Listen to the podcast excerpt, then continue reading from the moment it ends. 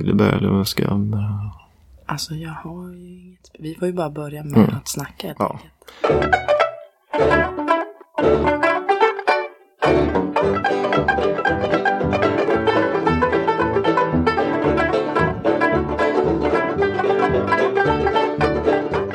Ja, hej och välkomna till Designpodden. Yeah. Och det här var det, fan är det sjunde avsnittet nu, för nu har vi flummat här så att jag hävdar att det var femte förra gången och det är ju helt fel. Det Ja, var, jag hävdade att det var sjätte, eller hur? Och det var ju rätt. det var rätt. Så att eh, så tycks det vara. Sjunde avsnittet. Sjunde avsnittet och vad handlar det om idag då? Ja, alltså jag sa ju förra gången att det skulle handla om en tidsperiod. Mm, Det gör det inte. nej, inte alls. Det blev inte så. Vi ska snacka om designklassiker faktiskt. Precis, inte egentligen, ja, naturligtvis lite om själva de liksom, möblerna eller föremålen också, men jo, lite men mer om, fenomenet liksom. precis, för att det dyker upp hela tiden och ibland stör man sig lite på det och Ja, ibland men tycker man alltid nästan. Alltid, ja. eh, och eh, därför så tänkte vi, ja, snacka lite om eh, vad är en designklassiker, eh, varför säger men man designklassiker och så Och vidare. vi har ju, det här är inte faktabaserat på något sätt. Det här är ju bara vad du och jag tycker i hela avsnittet typ. Jo, och det handlar väl lite om just i och med att vi har stört oss på det så tycker jag att nu, nu är det vår chans här att, Exakt ja, men som sagt, det här är, det här är våra tankar och idéer. Det här är liksom bara, jo men exakt, vi kör igång. vi kör.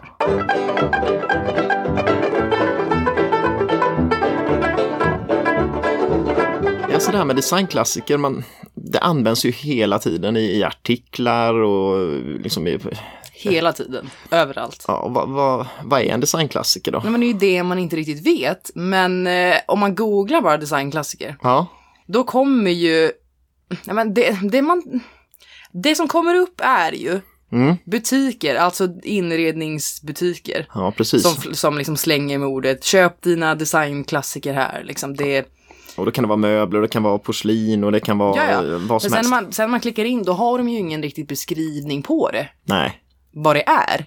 Det är bara någonting de, de slänger med. Och så kommer det ju också upp artiklar om vilka designklassiker man ska ha hemma och vilka man ska ha koll på och, liksom bara massa sånt där. mm, Så det blir ju en, eh, någon så här prestigegrej att ha koll på och ha dem hemma. precis. Eh, Kan man försöka hitta någon kärna i det hela? Liksom, vad är, Så vi kommer till kärnan redan ja, i början på avsnittet. eller hade du tänkt att börja på något annat sätt? Nej, nej, nej, men det är ju liksom, det blir mycket svenskt. Mm. Och varför blir det det? Är det för att det, det är det folk känner till? Ja, och antagligen det, man vill ju kanske att, att någonting som ens eget land har gjort ska vara liksom det, det bästa och, och finaste liksom. Ja, kan det vara det som är ett av kriterierna på något sätt ändå? Jag vet inte, men Att- det att- tänkte vi också försöka komma fram till. Vad, liksom, vad tror vi är kriterierna? Mm, och där tror jag på något sätt om man, om man börjar där, liksom att, att folk måste känna igen grejen i alla fall. Ja, alltså uppenbarligen, annars blir det ju ingen klassiker. Om Nej. inte någon jävel vet vad det är. Nej, så där kan du i alla fall först och främst liksom, den här ska vara välkänd hos eh, flertalet människor. Precis, och om man då tänker det nu Mm. så måste det ju ändå vara prylar som är producerade ändå relativt tidigt, Mm, tänker jag, eftersom att design är ju in, inte något som barn bryr sig om. Det är, det är ju vuxna liksom. ja, Och då måste det ha producerats. Ja, men, liksom, ja, jo men jag förstår du menar. Och, och Så det är ju inga nya prylar som är en klassiker liksom. nej, utan det ska ha varit med ett tag Ja. och det ska vara någonting som väldigt många har sett eller kanske haft. Exakt så, men det är ju ändå så här, det är ju klart att det är svårt att... Att definiera så, ja. Men det, Eh, det tror jag absolut. Mm. Men då är också så här, kan man tänka sig någon bakre gräns? För det, det har jag tänkt på lite också. För det man I säger, tid? ja, för det man har tänkt, när man säger designklassiker, eh, så man tänker ju i huvudsak 1900-talsprylar. Mm, Men man. kan en äldre grej vara en designklassiker? Man, man säger inte designklassiker om en, en uh, Hauptbyrå eller om en, eh, om en eh, liksom en, en, eh, en eh, gustaviansk eh, Nej, möbel och så vidare. Jag tror det liksom blir, jag tror det blir en klassiker om det är något man har liksom vuxit upp med. Eller fan, det är skitsvårt ju faktiskt. Men på något sätt känns det som att det inte kan vara det om det är tidigare grejer. Nej, och då skulle man kanske kunna tänka så här att design för Haupt, gjorde. Haupt byggde möbler var liksom, och, och så vidare, men han formgav ju inte möbler på det Nej. sättet som en som någon gör kanske under 1900-talet istället, där man formger något och så är det andra som tillverkar åt den. Så att det är Mm. en, en, en designad sak. För man kan väl tänka lite att till exempel turnégrejerna, eh, turnéstolar och Mm. Ja, sånt, det även gills att de, de, de gills ju trots att de är 1800-talets mitt. Ja, jo det är sant, det är sant. Eh, Så att, men men då är det ju någonting som är formgivet och sen producerats i stort upplaga. Men då är det ju också för att Ikea gjorde en typkopia. Just det. Och, då har liksom, då är det öglan man tänker på. mm, Men så har man, tänker man turné för att det är liksom originalet. Så Mm, utan precis. öglan så kanske inte... den har blivit lika stor i Nej. Sverige i alla fall. Då, Nej, liksom. precis. Nej, men nu snackar vi utifrån Sverige för det är bara det vi vet. Jo, men exakt. Obviously. Men, eh, eller hur? Det är jävligt svårt att säga. Ja. Men, men ska vi säga ändå att vi, vi definierar att, att det ska vara i huvudsak 1900-tal eller de här grejerna sent 1800-tal som liksom släpar in i samma, liksom i samma anda som hur man formgav möbler under 1900-talet. Liksom. Det, ja. Men ändå, fan vad svårt det är. För att Jo. man, jag hittade ju heller ingenting om man försökte googla typ så här kriterier eller så här, vad är en designklassiker? Det finns ju inte typ egentligen. Nej, Det är fan inte en jävel som, som skri- skriver något om det, det är ingen som vet. nej. Så det vi gör nu va, Mm. det är nytänk när jag ska bara, men vi måste så här ändå försöka definiera det ju. Och då kan man väl på något sätt, Men vi säger ändå tid då. ja, 1900-tal och att det är Fast 1900-tal det är ju också så här, för Det är det, 1990 jättebrett. det blir så här också, det är ju inte många Och det kan vi ju design- komma till sen kanske lite kring vad skulle kunna vara framtida designklassiker och så Jo, vidare. jo, och exakt, men för om man hittar några kriterier, äh, ändå att det är något som ska vara välkänt. Eh, Men Bland det för stora att- flertalet. precis, och det är det någonting välkänt, som, eh, som ska finnas, för då måste det ju finnas ute i hemmen man ändå. måste ha Liksom. stor produktion Ja. om det ska vara en designklassiker egentligen. Ja. Men är det så då? För att, eh, mm, Ofta ändå då. Ska vi kolla lite, för du har kikat lite på, på, eh, på Google för att se ja, jo, vad dyker men upp. exakt. Alltså om man bildgooglar. Mm. Då är det ju liksom, som jag har sagt, det är ju svenskt och det Mm. är ju är inte bara möbler, men det är ju mycket Yngve Ekström exempelvis. Och det är laminon till exempel som dyker Lamino, upp. Eller Arka, den där breda, pinnfåtöljen eller Ja. pinnstolen. det är ju Gräshoppan. Mm. Det är ju Svenskt Tenn, speciellt elefantmönstret, men Ja. också andra grejer. Det är mycket det vi har snackat om. om Mm, jo, men det är det. Bumlingen, Bumlingen, så att det, det är också, men, men här är väl, Lilla Åland, det är ju nästan alltid med. mm, just det. Eh, Jetson, mycket Bruno Mattsson överlag, men det är mycket Jetson. Mm. Mm, Kotten, Såklart, så Paul Henningsen kommer med Mm. där på den danska sidan. Y-stol av Wägner, Sjuan stol av Jakobsen, Öglan då. Ja, just det. Spanska stolen är med mycket också, men den tycker jag inte Börje riktigt. Mogensen där, ja. Ja. Och den, eh, Jag vet inte. Ellips borde ju också alltid med nästan. jo det är klart. Den där Alvar Aalto-vasen, Ja, det är den klart. ser man ju överallt hela tiden. Den Stringhyllan, mm. det är ju, och det var ju typ det mest sökta på Blocket och den är ju också alltid. Med som en designklassiker. Ja, Ja. Eh, och och ägget. Ägget förstås. Och då har vi ju, om man, om man bara tänker på dem vi fick upp här, så är det ju egentligen en ganska stor spridning ändå. Mm, jo, i, För- i vad tänker du? I Eh, tid? ja, men att, i tid är det inte så jättestor spridning kanske, men i, eh, i pris i huvudsak kanske, eller liksom klass, alltså hur, hur- hur hög eh, nivå Jo, det det ligger på det. För Det tänker vi på stringhyllan till exempel, då är det ju en ganska billig möbel. Du kan köpa en begagnad för några hundralappar och du kan köpa en ny för någon tusenlapp. Mm. Och, och då, eh, det är ju det är något som vem som helst har råd med, medan kotten eller mm. äggfåtöljen, den är ju liksom... eh, Spanska stolen. Spanska stol, det, det är ju sånt som eh, de flesta åtminstone får spara väldigt länge innan man har råd att köpa den. Va? Jo, men det tycker jag ändå är en ganska stor del av det, för det är så här. Jag är ändå från Norrland liksom och då är ju Berså är också alltid med. Ja, och här, Berså, ja. en del Berså för typ 500 spänn, det, det är ju inget man någonsin skulle lägga liksom. Nej. Och bara en Lamino kostar ju typ 15 000 i nypris. Det skulle man ju aldrig lägga. Det är liksom så här. Det här är ju egentligen sjuka summor för grejer tycker jag. Mm. Och Vi hade ju öglanstol, men det är för att det är från Ikea. ja. Men, Så det enda jag har sett av det här i min uppväxt, det är ju de grejerna som räknas från Ikea. men då finns det ju i det här med designklassiker så finns det ju redan nu en paradox egentligen kan man väl säga. Eh, och det är att vi sa att jo, men ett grundkrav skulle vara att men det ska ha funnits ute i stugorna liksom, och, och det är något som många känner till. Precis. Men sen så är plötsligt prisnivån helt bisarrt hög på mycket av de här grejerna. Eh, Och särskilt då till exempel eh, de danska, eh, danska möblerna men även mycket av det svenska. Och det är frågan eh, hur, liksom, eh, hur kan det ändå vara så att många känner till det och så vidare. Min uppfattning är att eh, möbler kostade generellt sett mer förr än vad de gör idag.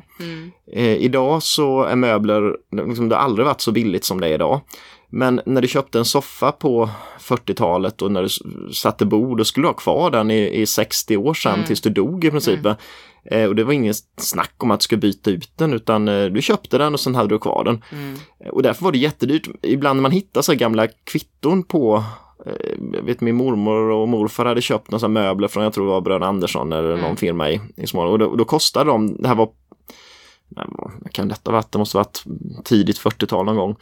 Eh, och då kostade det motsvarande eh, liksom en 3-4 månadslöner att är ju köpa bara soffgruppen. Ehm, och det skulle ju idag vara, säg att en snittlön ligger på 30 000 och nästan 100 000 för en soffgrupp.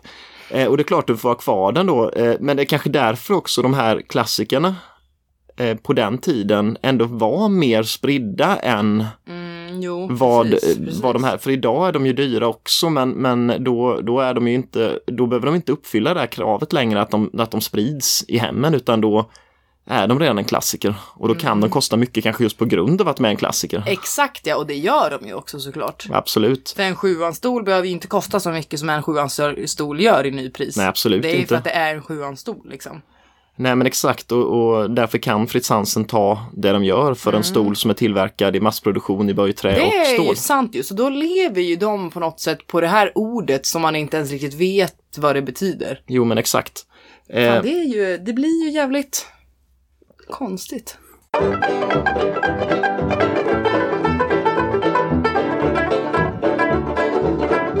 Men, men om man börjar någonstans.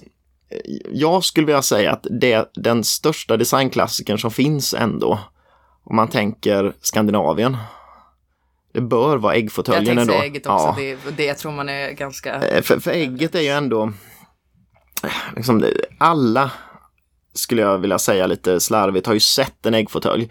Och sen så vet inte alla att Arne Jacobsen har formgivit den och att den är från Fritz Hansen och Nej, så man vidare. behöver inte veta någonting om honom för det, men alla har ju fan sett den liksom siluetten Ja. någonstans.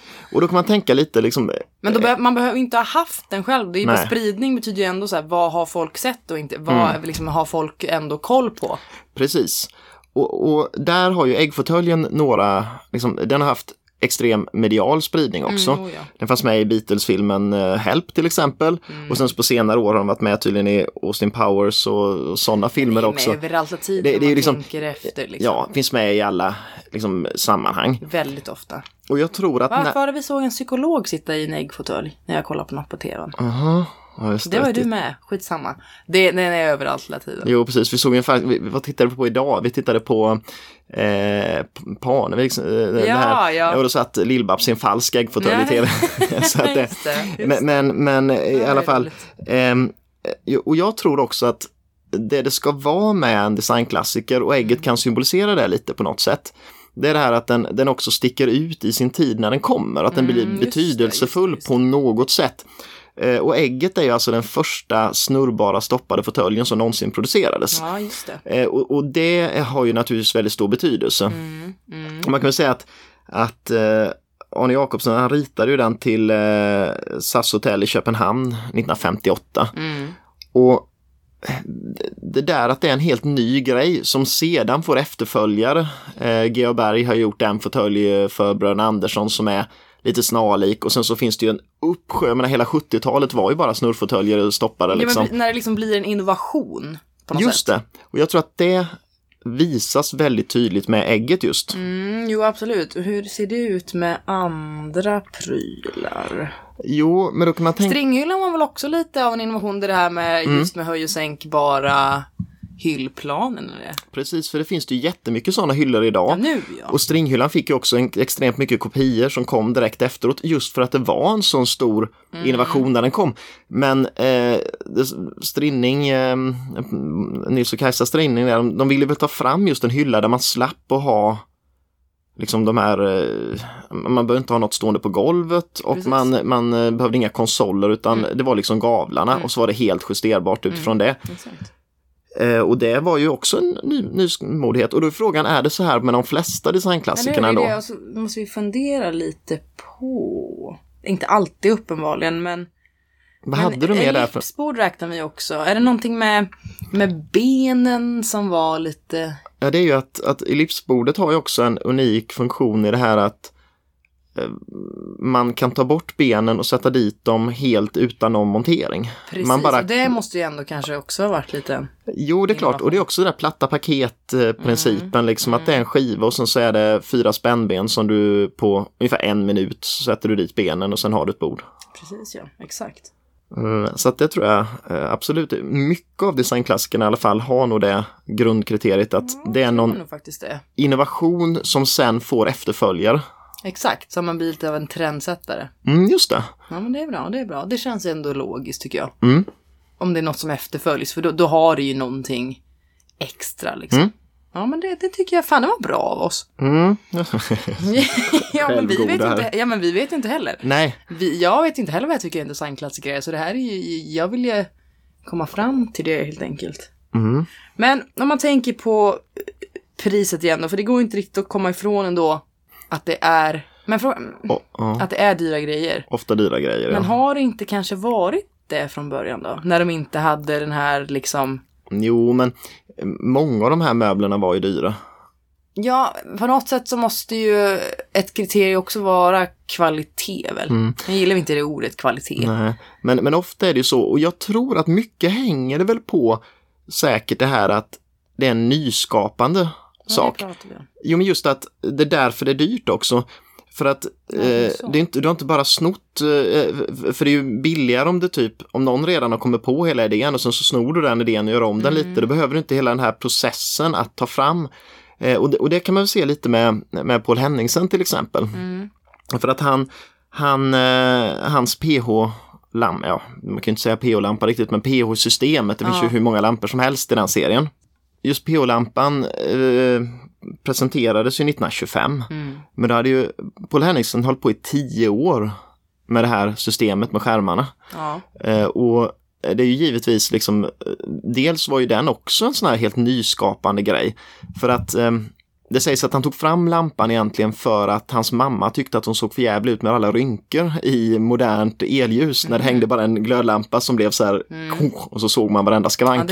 bra. Och då tog han fram den här treskärmade lampan som eh, skulle ge ett behagligt ljus trots att det inte var ett le- levande ljus utan att det var en just ellampa. Men då tog det tio år för honom att ta fram den och det är klart det blir dyrt eh, med hela den processen och så vidare. Sen så har det ju kommit under hela 1900-talet sen massa lamellampor liksom som, som är mer eller mindre dåliga. Jo, men att man, vågar man ta liksom höga priser fast det var någonting helt nytt? För man vet ju aldrig om det ska gå hem eller inte. Nej, men ofta så, men den här presenterades ju på eh, en utställning i Paris och fick stor uppmärksamhet och så vidare och då räcker det väl liksom så om man får genomslag på det så Precis, så egentligen handlar allting om genomslaget. För att också när jag tittade lite information, då var det ju väldigt många som presenterades på någon världsutställning eller så Ja, exakt. Så att, någon, så att grejen direkt fick väldigt mycket uppmärksamhet. Just det.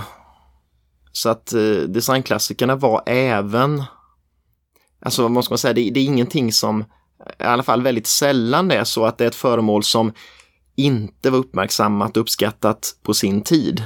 Precis. Utan oftast är det någonting som har varit, liksom, varit med på världsutställningen eller varit med Mm. på möbelmässorna och varit storsäljare och så vidare. Precis, även i sin egen tid ja. Mm. Ja men det är väl också ett bra kriterium Men ändå jag va? tycker det, jag tycker det. Och som sagt, du dissar ju lite min om kvalitet där, men också så här, det måste ju ändå vara så här att det är gedigna grejer. Liksom. Ja, inte kanske Ikea-grejer då, men men då handlar det ju om själva spridningen och att alla haft det hemma. Då handlar det inte så mycket om... Det finns ju på något sätt två olika typer av designklassiker på det viset. Ja, just det. Och man kan väl säga på något sätt då kanske att det finns man kan kompensera lite av det ena med det andra. Precis, för att om man har en enorm jävla spridning Mm. och det finns i alla hem, då behöver det inte vara så jävla gedigen Nej men kvalitet. exakt, eh, för att till exempel då, ja men stringhyllan till exempel, Mm. den är ju den är en rolig hylla men den har ju också såna klara nackdelar för att man, man vill döda den när man sätter upp den och man tror att grejerna ska åka ner direkt när man sätter Mm. grejer på hyllplanen och så vidare. Ja, den, den ser inte så gedigen Nej, ut. och den Man är känner att fan, nu kommer det här ramla i huvudet Och jag tycker egentligen inte stringhyllan är särskilt gedigen men den är ju snygg och det är också Mm. en, en smidig hylla ändå på ett sätt. Precis, men så den Eh, så då kompenserar den ju kanske kvaliteten Mm, med, att, med att eh, det finns stor eh, spridning rent antalsmässigt. Och det är samma sak med alla IKEA-möblerna som, som också har det. Jo, exakt, exakt. Eh, och man skulle ju nästan kunna säga, nu, nu är man ju ute på hal, hal is liksom, Mm. men frågan är om inte till exempel Bilderbokhyllan Jo. eh, är en designklassiker om man ska ha de kriterierna. Men på något sätt, alla känner ju till den och det måste ju vara, fan om inte det är världens mest Jo, sålda men såg bokhylla. jag inte det ändå också på någon bildgoogling? Alltså. Ja. Jag tror det alltså. Eh, och då, ja, Jo, men det köper jag ju. mm, Alltså ha varenda jävel där hemma, det är, då måste det ju få räknas. mm, exakt. Annars är det ju omöjligt. Ja, medan till exempel då äggfåtöljen då, Mm. den är ju istället inte så Det har jag väl, inte sett någon ha hemma. nej men det är inte så väl spridd. Jag har haft den, har inte Ja, kvar den längre. hemma, jävla cool. Eh, men men, men det, det är inte jättemånga som har, Nej, gud. men väldigt många företag har istället ser man. Eh, och där kompenseras jag av att den är, var unik när den kom Mm. och den är ju himla speciell plus att det är extremt hög kvalitet. Mm.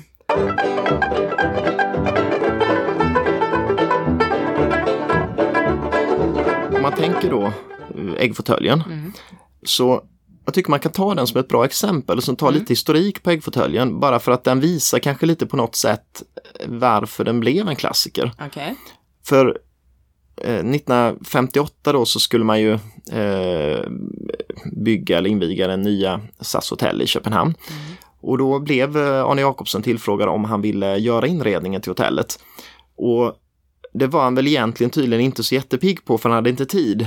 Men samtidigt skulle det bli världens första designhotell Mm. och då kunde man väl inte riktigt säga nej egentligen för det var väl Det för... dumt. Jo, men det är ju liksom eh, värsta möjligheten att få utforma ett eh, helt hotell. Och exteriören är ju väldigt stram och rak och ganska tråkig egentligen och då ville han göra en lite mysig feeling invändigt. Så han gör, gjorde den här, dels färgskalan var ju en lite grön... Turkosig. ja, lite så typisk 50-tal egentligen kan man väl säga. Fin. Ja. Eh, och så ska han rita alla möblerna. Och då så, det är det här lite också med, med eh, designklassiker, att man kan knappt tänka sig, man tänker inte på att de en gång har ritats eller en gång inte funnits. Nej, nej, det är sant. Det är så här, eh, för att Arne Jacobsen, han, han eh, det finns beskrivet hur han i sin, både i sitt garage och sitt sommarhus, hur han satt och, och böjde stål, liksom stålnät och Mm. skulpterade äggfåtöljen i gips. Och liksom, då gick han ju från, från ingenting egentligen. Han hade sneglat lite på den här eh, Wombshare som Mm. George Nelson har gjort. Ja. Och den är ju inte en snurrfåtölj men har lite samma formspråk på något Mm. sätt.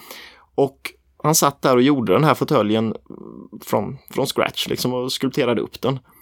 Och det var tydligen så att precis innan, alltså dagen innan den skulle presenteras så kom någon från SAS hotell där, någon av cheferna där och kikade på den och var jättenöjd. Men Arne Jacobsen blev sur och tyckte inte alls att den var bra. Så sågade han av den på mitten och breddade den liksom. Det var så här, precis på slutet som den fick sin ursprungliga form. Jaha, okej. Eh, och de första äggfåtöljerna som har modellnamn 3315, Mm. de har ju ingen dyna till exempel utan eh, de, Nähä, de har, och, och på ett sätt kan man väl säga att de, de är snyggare tycker jag. Mhm. För de blir ännu mer skulpturala för dynan förstör lite egentligen utseendet på dem, särskilt på de nya för de sticker ut liksom och, och känns lite Jo. dålig passform. Men sen Men är de, alla nya är ju, ja, är väger ju som ingenting heller. Nej. Fan, två kilo. Och grejen är att det är också det där då med att eh, de här första fåtöljerna, de, mm, alltså Arne Jacobsen gillade ju inte plast till exempel. Nej. Men sen insåg han att det här går ju inte att, att göra den här fåtöljen om man inte använder moderna material i den. För att formerna är för speciella så att eh, stommen är ju i, i eh, plywood, i, i trä. Men Eh, Men precis innan eh, fåtöljen skulle lanseras så hade Fritz Hansen börjat samarbeta med ett, ett norskt bolag som hade tagit fram ett plastmaterial som heter polystyren. Och, det är en form av, det expanderar och sen så blir det som lätt skumgummi. Och då var det ju klockrent att använda sig av för att kunna göra den typen av form som ägget är i. Eh, och det är ju det man lyckas, den första stolarna som man gör i det här materialet och som kan få de här väldigt speciella formerna och så Och vidare. snurra. Och snurra. Och sen så, eh, och kvaliteten som du var inne på också. Mm. Eh, Det är ju lite så här, inte så många som vet, men eh, alltså en äggfåtölj i skinn, den är handsydd med ett- 1100 stygn. Mm. Och det är också så här jäkla, det är inte många som klarar av att klä en äggfåtölj ens. Nej, måste vara 1100. Eh, ja men det är i snitt det Jag liksom, tänkte det måste inte vara 1101 och då bara nej det går inte. Nej. Men det är just att det är svårt att få skinnet att formas kring Ja. de här runda formerna och Ja, att limma ner det så att man får släpp i den. Ja, god. Eh, och det är också som du sa att de är skit de nya men det, men det är Ja, ju lite så 1974 gjorde man om foten för innan var det ju den här helstöpta foten Mm. i, i aluminium. Sen gjorde man om 74 då till en, en fot med bara en vanlig pelare ner det är i därför. och den tycker jag inte alls är lika trevlig. Nej. Känns som att man ska välta om man snurrar Ja, lite. och sen tror jag något, för, för de gamla äggfåtöljerna har ju en stomme i, i, i trä med- medan de moderna är den av fiberglasmaterial istället och det är därför de inte Ja, väger, väger, väger väger inte ett dyft.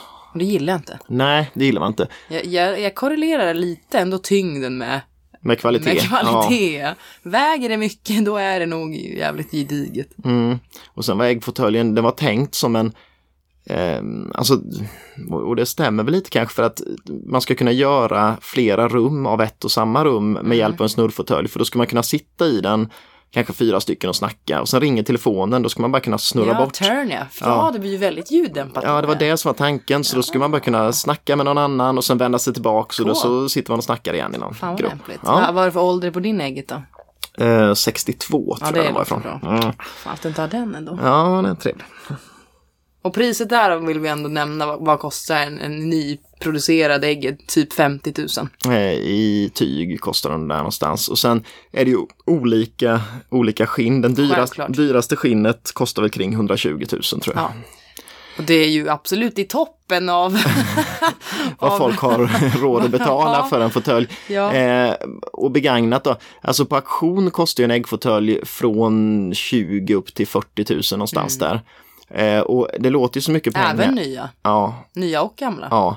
Men eh, det låter ju så mycket pengar men det är egentligen billigt jämfört med vad ny kostar då. Så att, eh, mm, Och då vill man ju ha en gammal. ja, Eller i alla fall du. Och sen ska man vara medveten om att har man en i dåligt skick som inte går att rädda skinnet på så kostar det ungefär 30 000 att, att klä om den i, i skinn. Så att därför så är det ju värt att tänka på att man köper den i sånt fall som man kan leva med skadorna på alternativt är i fint skick. Liksom. Mm. Vad är det liksom för färg under? Eh, under skinnet, Vad är det som sticker ut? Då? och det, det, är ju, eh, det ser ut som vanligt skumgummi. Ja, lite Eh, dassigt. Och så finns det ju, det är ju en form av nästan som frigolit också som, som ligger under skumgummit Mm. sen. Så det är ju ljust va, så att det gör ju att, och problemet är ju att eh, livslängden på det här skummaterialet man hade i äggen, de, Mm. det är kanske 25-30 år så att alla de äldre har ju torkat. Och det är så ja. Eh, och Det är synd. eh, ja, det är tråkigt och ju mindre de har använts egentligen, ju mer har de torkat. De, är- när det inte har belastats så att uppe vid öronläpparna och så är det nästan helt slut. Mm. Är inte skinnet trasigt så är det inte hela världen. Men får man skador i skinnet då får man ju typ en mjöl överallt Åh, som kommer ut. För det blir ju... Vad sorgligt. Ja, Man mjölar sen. exakt.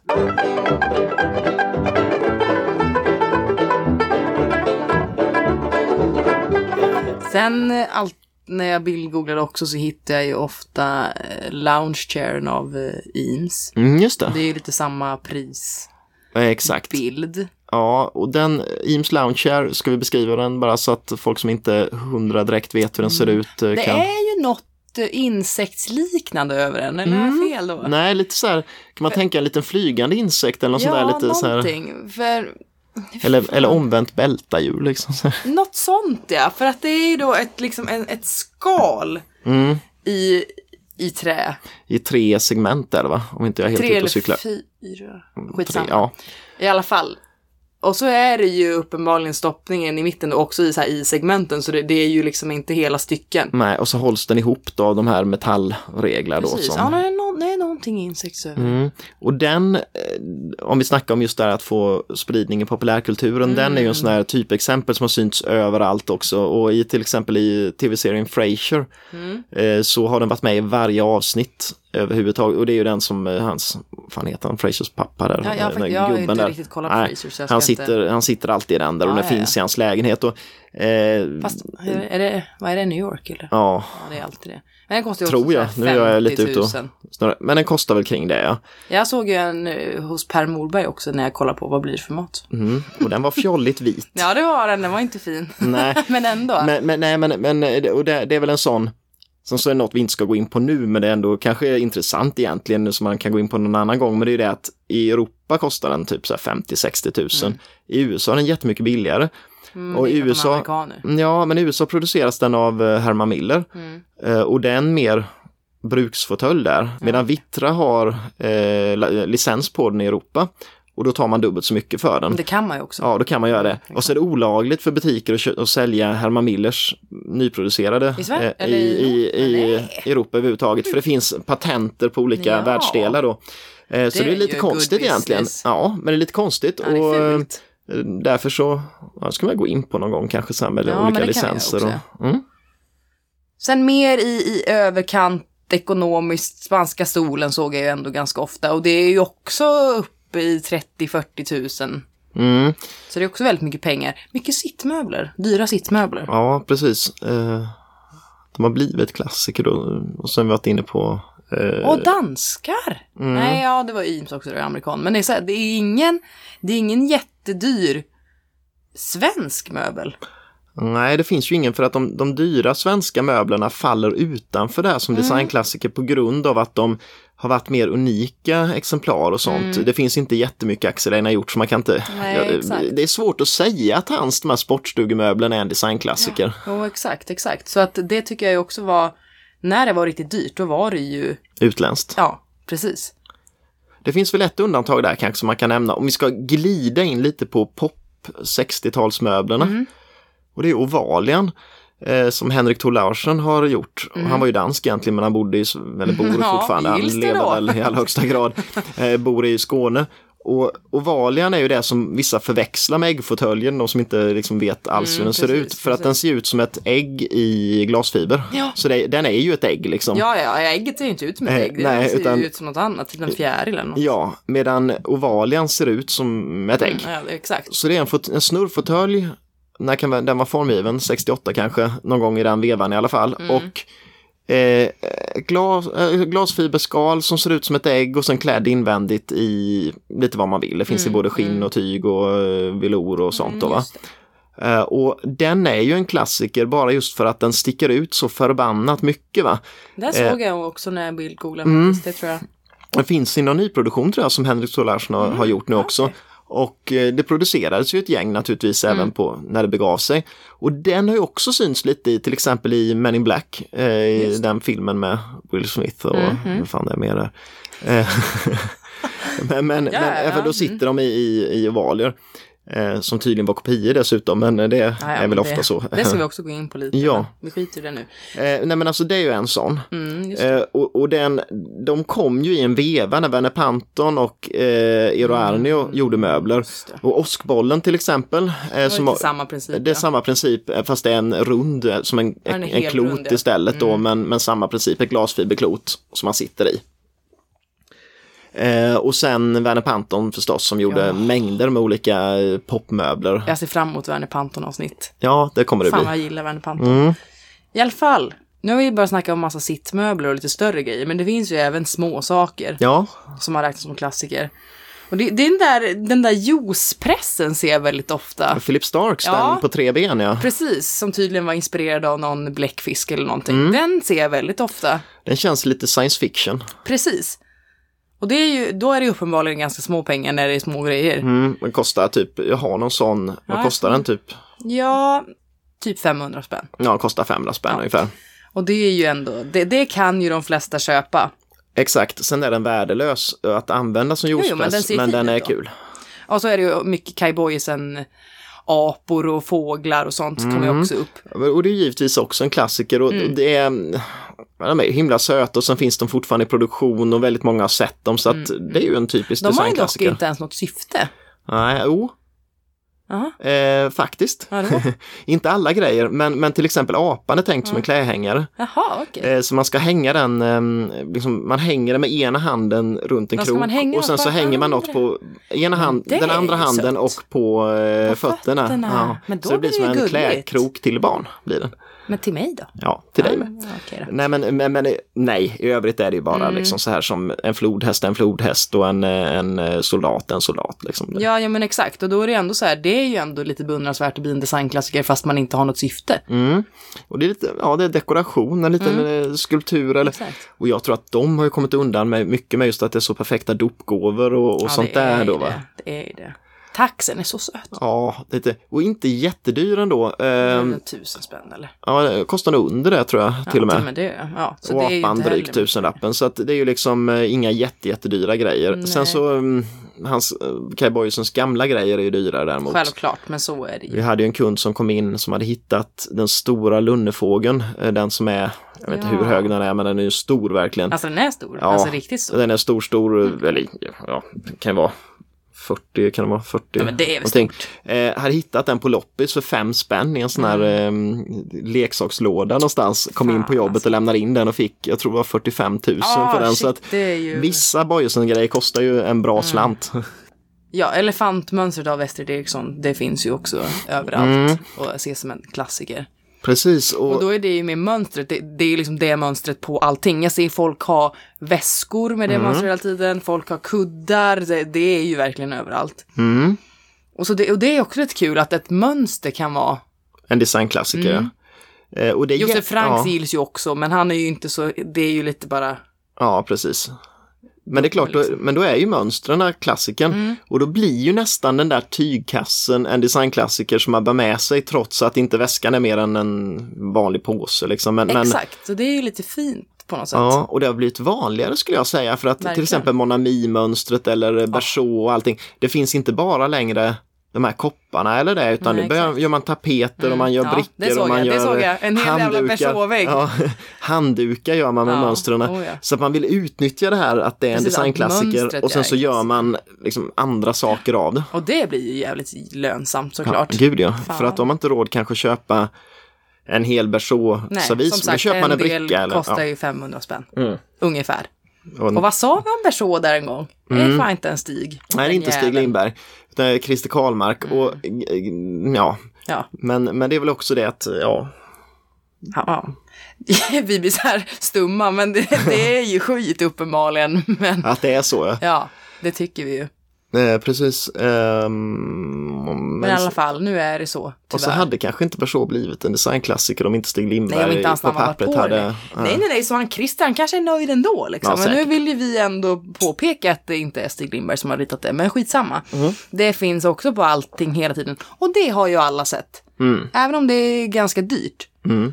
Så vet ju liksom min mamma vad det är också, även fast hon aldrig har varit designintresserad. Så Och vet när ju det- alla vad Bersot är. Och när det begav sig så såldes de på Domus liksom, så då var det inte dyrare än annat porslin liksom, utan det var Mm. Nej, just det. Det är ju någonting som verkligen har blivit. Mm, dyrt, i Dyrt. efterhand. Mm. Och idag produceras det ju inte av, eh, Gustavsberg finns ju inte längre utan alltså som Precis. porslinsfabrik utan nu finns det ju det här Gustavsbergs porslinsfabrik. Precis, men inte Gustavsberg. Nej, just det, just det. eh, som Nej, har, det på något sätt drivs av folk som har jobbat kanske Ja, tidigare i Gustavsberg och så men, men, men ehm, det är ju eh, Ja, det, det är dyrt Mm. helt enkelt. Ja, om vi ska ändå prata lite om porslin så, så ser man ju mycket Royal Copenhagen också. Mm, det är klart. Mycket musselmalet och det, det är ju, kan ju vara sjuka summor. Ja, det kan det vara. Eh, nytt så kostar det ju jättemycket pengar. Helt sjukt alltså. Vad är det där med hel och halvblond? På musselmalet. Ja. Musselmalet är ju det här klassiska, alltså musselmalet, alltså mönstret, musselmönstret är ju det här Blåvitt, blåvitt ehm, små krusidulligt liksom. som är ett gammalt, eh, gammalt mönster helt Verkligen enkelt, som gammalt, har ja. väldigt långa anor tillbaka. Ja, det är väl Och det, 1800-tal. ja, och det finns ju flera eh, olika, ja, Bing och Gröndal har ju också gjort det och så Oh ja, vidare. absolut. Men, det, Men- det står ju alltid hel och halvblond och jag vet inte Ja. vad det är. Är, blond står för spets Just och eh, det det. handlar ju om hur det är, om den har spets, om den är halvblond då innebär det att det finns spets, eh, alltså spetskant på den men den är inte genombruten. Just Och helblond, då är Ja. spetsen runt tallrikarna till exempel genombruten och där är den förstås svårare att göra och fler Dyrare. förstörs i produktionen och så. Eh, och den är ju dyrare. Vet du vad jag såg? Nej? Jag såg alltså en tallrik, Mm. helblond då. Jättespets, alltså typ hela Ja, tallriken ja. var det. Gissa vad den en tallriken kostar i nyproducerad. Nej, jag vet inte. Det var alltså 5000 spänn Ja, det är dyrt. för en tallrik. Ja, men det är dyrt. Det är svindyrt. Eh, Det är helt sjukt ja. tyckte jag. Alltså jag blev riktigt surprised. och då är det faktiskt. typiskt för nu så slår danskarna oss igen så här, tycker vi det är dyrt med, eh, Med 500 spänn ja, för, för en person. eh, kaffekopp i version men sen så Det kostar... tusen var ju en kaffekopp va? Ja, tekopp kostar tusen spänn. ja. Mm. Nej, kommer de inte 5000 för en fucking tallrik. Och man har även då, och Royal Copenhagen kan vi fortsätta, det- men där blir det ju lite konstigt egentligen om vi har våra kriterier. Mm. För att då sa vi det att musselmönstret var, var ett gammalt mönster som, som, Mm. Ja, det är sant, är som. Mm. inte är designat på det sättet liksom under den perioden när vi pratar om designklassiker. Och samma sak gäller ju även Flora Danica som, eh, som Just de också det. tillverkar. Eh, Och Flora Danica, det är ju det här mönstret, det finns i eh, tallrikar till exempel Mm. och terriner och det är en hel matservis och det finns koppar. Och, Oh, ja. Eh, och, det, och det är ju ett mönster som har blomsterdekor som baseras på en Flora Danica då som är en, ett, ett 1700-talsverk med, eh, med eh, liksom motiv med olika blomstermönster och eh, då ritas ju, eller målas ju de här för hand på porslinet. Det gjorde de på just det. 1700-talet och det gör man än idag. Och det är ju på sätt och vis en designklassiker eftersom det säljs ju som, de, som på samma sätt som Mm. Eller de här. Men det är ju en 1700-talsservis från början Det är egentligen. ju riktigt gammalt om man jämför med de andra grejerna. Mm. Eh, och också riktigt jävla dyrt. Ehm, Helt sjukt. en pension kostar ju en tallrik, eh, Flora Danica, om den är liksom relativt ny. Mm. Kanske den kostar en 3-4 tusen. Ja. Men jag såg någonstans en priskurant från, alltså här prislista på Mm. vad de kostade nytt. Och jag tror att det fanns terriner som kostade en halv miljon. Nej. Jo, eh, så att det, Men det vem så, lägger det? Ja, det, det- det är ju... Det är, ja, det är ju, det, visst det tar kanske, speechless. det tar ju säkert årtionden innan du är duktig på att måla det här mönstret så, men ändå, det är ju, Alltså jag har ju svårt att se hur jag skulle lägga pengar på, på porslin eh, överlag liksom. Kan inte använda en Nej, tallrik jag köpt för 5000 spänn. man Det blir nojig och inte. diska det sen när folk har varit och, Ska man så hänga på väggen som jag gjorde förr?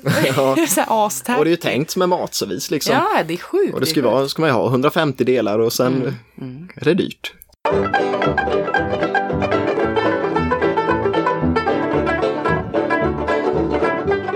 Egentligen kommer inte vi fram till något som så gäller alla ju. Men det finns ju alltid undantag såklart. Mm. Men Och jag ser framför mig nu när vi har snackat lite allmänt om det här då. Mm. Eh, för tanken var ju lite att vi ska prata om lite designklassiker för att kanske nå fram Nej, på något fram sätt. något, ja, eh, komma fram till något och se kanske också framåt vad kan bli designklassiker i framtiden av det som Mm. finns i produktion idag utifrån de här kriterierna. men jag tycker ändå då, Jag menar, vi har ju på något sätt, det ska vara välkänt. Det ska vara lite av en innovation. Det ska vara lite av en innovation. Välkänt kan ju vara då att, att man har sett det eller haft det hemma. Behöver Just inte det, vara... och då finns det båda de, de här IKEA-grejerna som blir designklassiker Mm. har ju många haft. Ja, 50% av svenska folket har haft en Ugglanstol hemma. Oh, ja. Jag har suttit på det hela min Eh, uppväxt. en promille av svenskarna har haft en äggfåtölj hemma men, Mm. men å andra sidan har 80% har sett den på bild. Liksom, så här, så att, eller alla har ju sett den men 80% kan känna igen den. Liksom. Exakt, exakt. Eh, och, och det gör väl att, att liksom eh, Ja, det, Nej, men spridning, det- på något sätt ja. spridning. Eh, och sen har man också det här att, att den Vad var det mer liksom? Vad hade vi mer där? Men det här med tiden. När den ska vara. Mm. Men det där var väl mer lite att de flesta är det, men, men det finns ju undantag också då ifrån det. Självklart, men jag har ju ett litet mönster på de här jag har Ja. skrivit upp. Så är det ju mycket 50 och 60-tal. Mm, precis. Och då är det kanske de här, om man tänker hela ja, men, eh, ägget och sjuan och eh, lamin Bruno och allt, Mattsson allt och det här. Yngve Ja. och liksom. Och sen så kommer det in på 60-talet med dels de här IKEA-grejerna och eh, Eero Aarnio och, eh, och Valien där. Och vi Precis, har, men ja. jag har ju ingen på min lista som efter... Jo, den där juicepressen då. Mm. Men det är ju den senaste jag har, den var 1990. Just det. Annars är det ju verkligen, annars är det 50-60-tal. Ja, som de flesta är kring. Precis, så det, tiden är väl lite luddig att ha som kriterium egentligen. Ja. Så egentligen kan vi ja, på något sätt komma fram till att, det är, att den är välkänd och att den Mm. är unik på något sätt som gör att den liksom, eh, Vill, eh, liksom, vill... Vi har inte snackat något om kopior. nej, Men det på något sätt har ju ändå en stor del i det. För att om det är så pass nytänk och något som är väldigt speciellt så blir det kopior så av blir det. det Mm. kopior av det. Och då eh, blir det liksom en confirmation att Jag kan det rent av vara så att nästan en förutsättning är att det görs kopior av Ja. den och att folk apar efter den. Jo, men precis. För stringhyllan till exempel, av det som man kallar lite slarvigt stringhyllor idag är ju Mm. 9 av 10 inte string liksom, utan det är ju de här massa andra möbelfirmor som gjorde eh, snarlika Mm. eller nästan identiska hyllor liksom. Men hur är det med sånt där då och, och upphovsrätt på prylar? Det är väl samma sak som med konst och så, eller? Ja, det är det. Eh, Men sen är det ju frågan liksom hur mycket du måste ändra på någonting för att det inte ska Exakt. vara eh, intrång i, i upphovsrätten. Eh, Ikea är ju kanske mästarna i världen på just att, att, Att lyckas, ja, kringgå. Eh, Babybjörn hade gjort någon, någon sån här barnsked Ja, som Ikea gjorde en kopia av som kostade en hundradel liksom. ja. Eh, och Babybjörn förlorade i rätten eh, för att de, rätten slog fast att nej men ma, Ikeas eh, sked har också en egen karaktär Mm. som man inte kan säga samma. Trots att man tittar på dem så är det löjligt liksom. Alla vet ju och de som dömde så vet Mm. ju också att, att, att det är en ren kopia men, men Ikea har väldigt bra advokater. Ja, ja, just det. För att det handlar ju om att man tar liksom patent på, på en, handlar det om en form, handlar det om en funktion? Det är väl både och. Både form och funktion. Och så gör man någonting lite annorlunda och då, kan man, då kommer man undan ändå. Ja men precis, man, man gör om lite några, några liksom, steg i det och så några Mm. Det är olika. därför man ser så mycket kopior. För att jag, jag tycker ju att man ser kopior överallt hela tiden. Alltså allt som är Mio och alla de där billiga. Det är ju bara kopior på Ja, dyrare. Ikea är ju bara kopior, Mio är bara kopior och vanliga inredningsbutiker är det bara är ju kopior. bara kopior. Det är någon liten eh, skillnad men annars är det ju bara kopior. Och ofta är det så här, när det inte är en ren kopia så är det bara en dålig stilgrej Mm. av det ser ut precis som Svenskt Tenn fast jättemycket sämre i kvaliteten. Mm. Och Liksom. tyvärr säljs det väldigt bra. Det, relaterade sökningar också till designklassiker var ju just designklassiker kopior och designklassiker outlet. Det är så här, folk vet på något sätt att de här designklassikerna kopplas till något typ av liksom eh, välstånd och lite så här, och Ja, att man vill ha det. Och sen har man inte råd att ha det. och då har man kopior istället. Och Det, är väl lite som att man köper liksom falska Lacoste-tröjor och falska eh, Dior-väskor. Liksom Ja, att, men det blir det. För att det blir ju väldigt kopplat till klass och det är inte konstigt när, när det kostar sådana pengar. Det är ju en klassfråga naturligtvis eftersom det är väldigt få som kanske har råd att köpa en kotte för 80 000. Självklart, för vem fan har det? Det är ju liksom sjukt. Det är helt sjukt. Eh, och, och det borde man ju se i lä alltså lägenhetsannonser till exempel. Va? Men det är precis, för det kände jag ändå var ganska kul, för det har jag tänkt på så många gånger när man Mm, kollar okej, på ja. Hemnet. Och det är ju verkligen så här att kollar man Stockholms innerstad På Hemnet. På, på nätet, Hemnet ja. på annonserna, då är det ju de här grejerna som jag har sagt här. Det är PH-lampor, det är liksom ägget, det är Barcelona-fåtöljer, det är liksom Alla här, kök har ett ellipsbord och sen så sjuanstolar Ja. vita eller svarta runt eller omkring. Grand Prix-stolar. Ja. Det är så här, det är just de Mm. grejerna. Och det, det är det inte om man kollar i förorten. Nej, Då, då används inte de här designklassikerna i annonserna. nej. Och det, det blir liksom, det är jävligt talande på något sätt. Mm.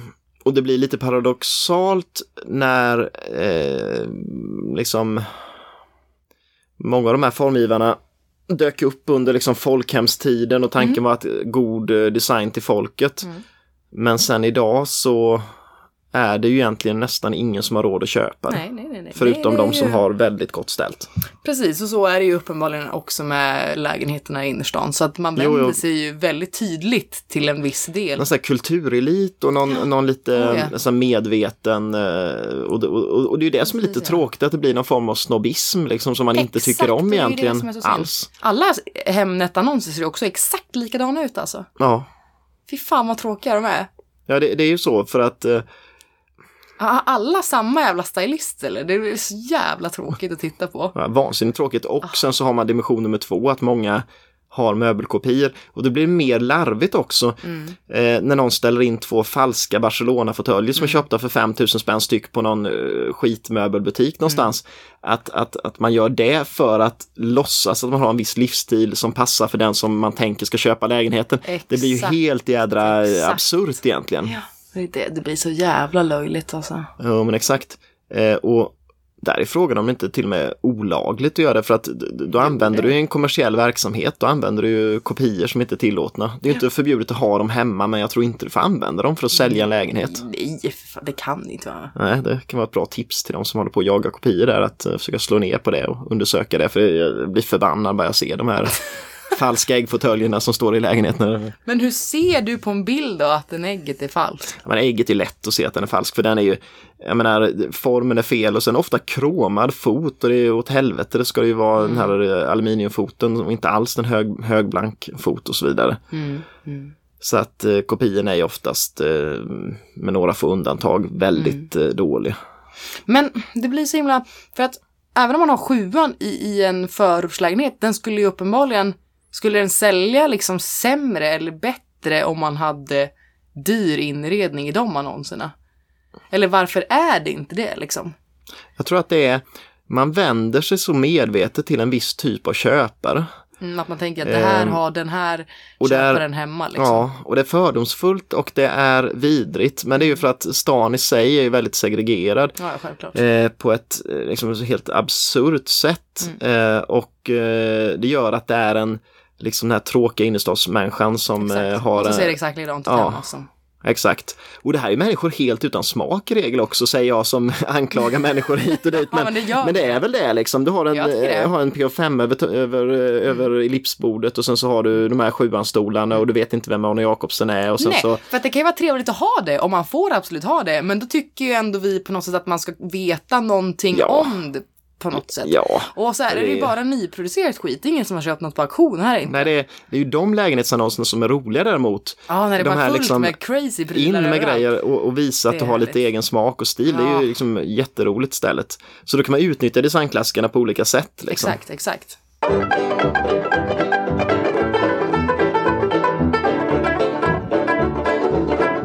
Ja, men fan, jag tycker att det, vi har ju inte riktigt kommit fram till något jättetydligt. Nej, vi har bara flummat på här egentligen. Ja, men, men jag tycker ändå att jag känner mig lite mer klar över vad jag tycker en designklassiker är. mm, jo, men precis. Vi har, hade några kriterier och då är frågan, Men håller vi med då?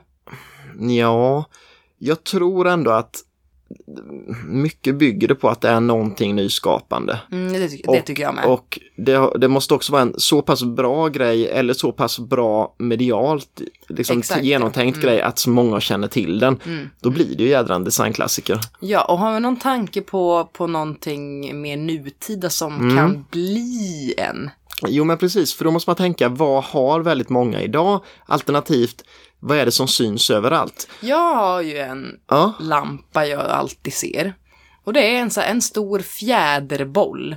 mm, Och den har jag inte vetat någonting om, men jag googlar lite idag. ja. Och den hette tydligen EOS, EOS, av eh, Sören Ran Kristensen, någon dans, skitsamma, jag vet inte riktigt vad den Ja, ja. Och varumärket var tydligen vita, jag vet inte vad det är heller. Nej. Men den lampan ser jag alltså överallt hela tiden. Och i alla lampbutiker som man går förbi, den finns överallt. Det är en lite så här oval boll av Mm, fjädrar. Som är typ så här pastellrosa eller vit. Ja, jag vet vilken du menar. där, Precis, förstår ja, för den ser man hela tiden. Den skulle jag kunna tänka mig, och det är inte heller jättehög prisnivå, Ja, det var någon tusenlapp. Ja. Men det, då finns det så här, bara för det finns många av Mm, den och man ser den. eh, Och den är också med i väldigt många Mm. Hemnet-annonser. Så då skulle den kunna vara en sån här Ja, billig det. framt, framtida designklassiker. Mm. För, för sen om man ser på möbelbiten, där är är väl svårt. Jag menar, eh, det finns ju vissa eh, saker som börjar dyka, redan nu dyka upp när man söker på designklassiker. Mats Mm. Ja, det- det ehm, kommer ja. kommer att finnas kvar om hundra år också. Mm. Han är en viktig person och det är bra möbler, roliga möbler ändå. ja, liksom. det är sant. Det. Eh, och det är också sånt som då mer klassar in som ägget, liksom att det är väldigt få som har råd att köpa Theselius möbler. Eh, för det kostar väl liksom från 25 000 uppåt. Men och vissa är ju jättemycket dyrare än så. Mm. Men det är något nyskapande i dem ändå känns det ju som. Mm. Det är något som sticker ut, någonting som, som är annorlunda och som ändå är ganska talande för 80, 90 och 2000-talet liksom. Ja, man känner ju ganska lätt igen en Teselius, Mm. tycker jag. Det gör man. Och det blir ju också på något sätt ett kriterium. Ja, Man, så här, man, direkt, man behöver inte många sekunder av att se en grej så känner man igen det liksom. exakt. Eh, så, det så det är en sån frams, framtida Ja, designklassiker jag på något sätt. jag Då.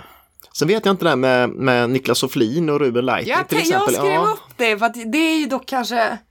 Vi säljer ju mycket det på jobbet ja. på jobbet och då kanske vi blir lite formade så. Men om man tänker på den mängden bara vi har sålt så är Mm. det ju väldigt, väldigt många som har Ruben hemma nu. Om man kikar på den, är den där med Malou, vad heter det jäkla programmet? Ja, Nyhetsmorgon. Inte bara, inte Malou, Nej. utan själva hela Nyhetsmorgon-studion har, Har- ju Ruben Lighting. Har Ruben Lightning där. Och man ser Ruben Lightning i tv-miljöer, i offentlig miljö. Mm. Ja, jag såg det på någon restaurang. Och Ruben Lightning, det var ju Ruben som köpte eh, Luxusfabriken då, så, exakt. som vi har pratat om någon gång. Vi Var det? nämnde det. Jag tror vi nämnde det i något sammanhang. Inte, men ja. Och i alla fall liksom eh, Niklas Soflin har ju gjort någonting där att han har skapat lampor som bygger på en gammal tradition egentligen. Det är så här, eh, liknar gräshoppande, liknar, Ja, men ändå men är det ändå någonting lyckats, nytt. ja. Ja, för det, det, han för in det här Det i, i, eh, i 2000-talet. Mm, mm. Ja, på ett jävligt successful vis faktiskt ändå. Så på något sätt kan nog vissa av hans modeller bli klassiker. Ja, jag tror nog fan det också. Mm. Men vet inte, det vi hade idag, eller? Har du något mer? Nej, men, men, men eh, det här var ju ett, ett både konstruktivt och icke-konstruktivt avsnitt. Men, men det var skönt att köra lite sån här lite eh, soft eh, mellanavsnitt. Ja, men precis. Vi Ehm, tänkte väl bara lite mer så här, vad händer om vi inte har förberett så mycket? Att man bara flummar lite. Mm. Sen kan man ju tycka vad man vill om det. Men det var ganska kul. Ja, och eh, sen så eh, nästa vecka då kommer vi att eh, dyka ner lite mer eh, faktabaserat på Ja. något eh, nytt ämne. Och det har vi också bestämt men eh, ja, vi, i vi håller på det så att vi kan ändra oss. vi ändrar oss ibland precis innan. Och, Men precis, då kan, man, då kan man lära sig någonting igen. Jag vet inte om man kan lära sig någonting av idag, men, men ja. Det vore kanske bara tanken är att folk kan fundera lite kring det här med klassiker och, Precis, ja. och allt det här. Ehm, har man några idéer eller synpunkter eller tankar så är det bara att höra av sig till oss. Eh, Ja. Man kan kika på vårt konto på eh, Instagram. Designpodden. Ja, och eh, på, eh, det går ju att mejla oss förstås också där på Designpodden at gmail.com. Yes och kolla på oss på Facebook också om man har några idéer. Och eh, följ oss gärna så att man får avsnitten eh, nedladdade också. Så, Om eh, man tycker vi är så roliga att Jajamän. Varje torsdag dyker upp ett nytt avsnitt. Ha det så bra så länge. Yes. Hej!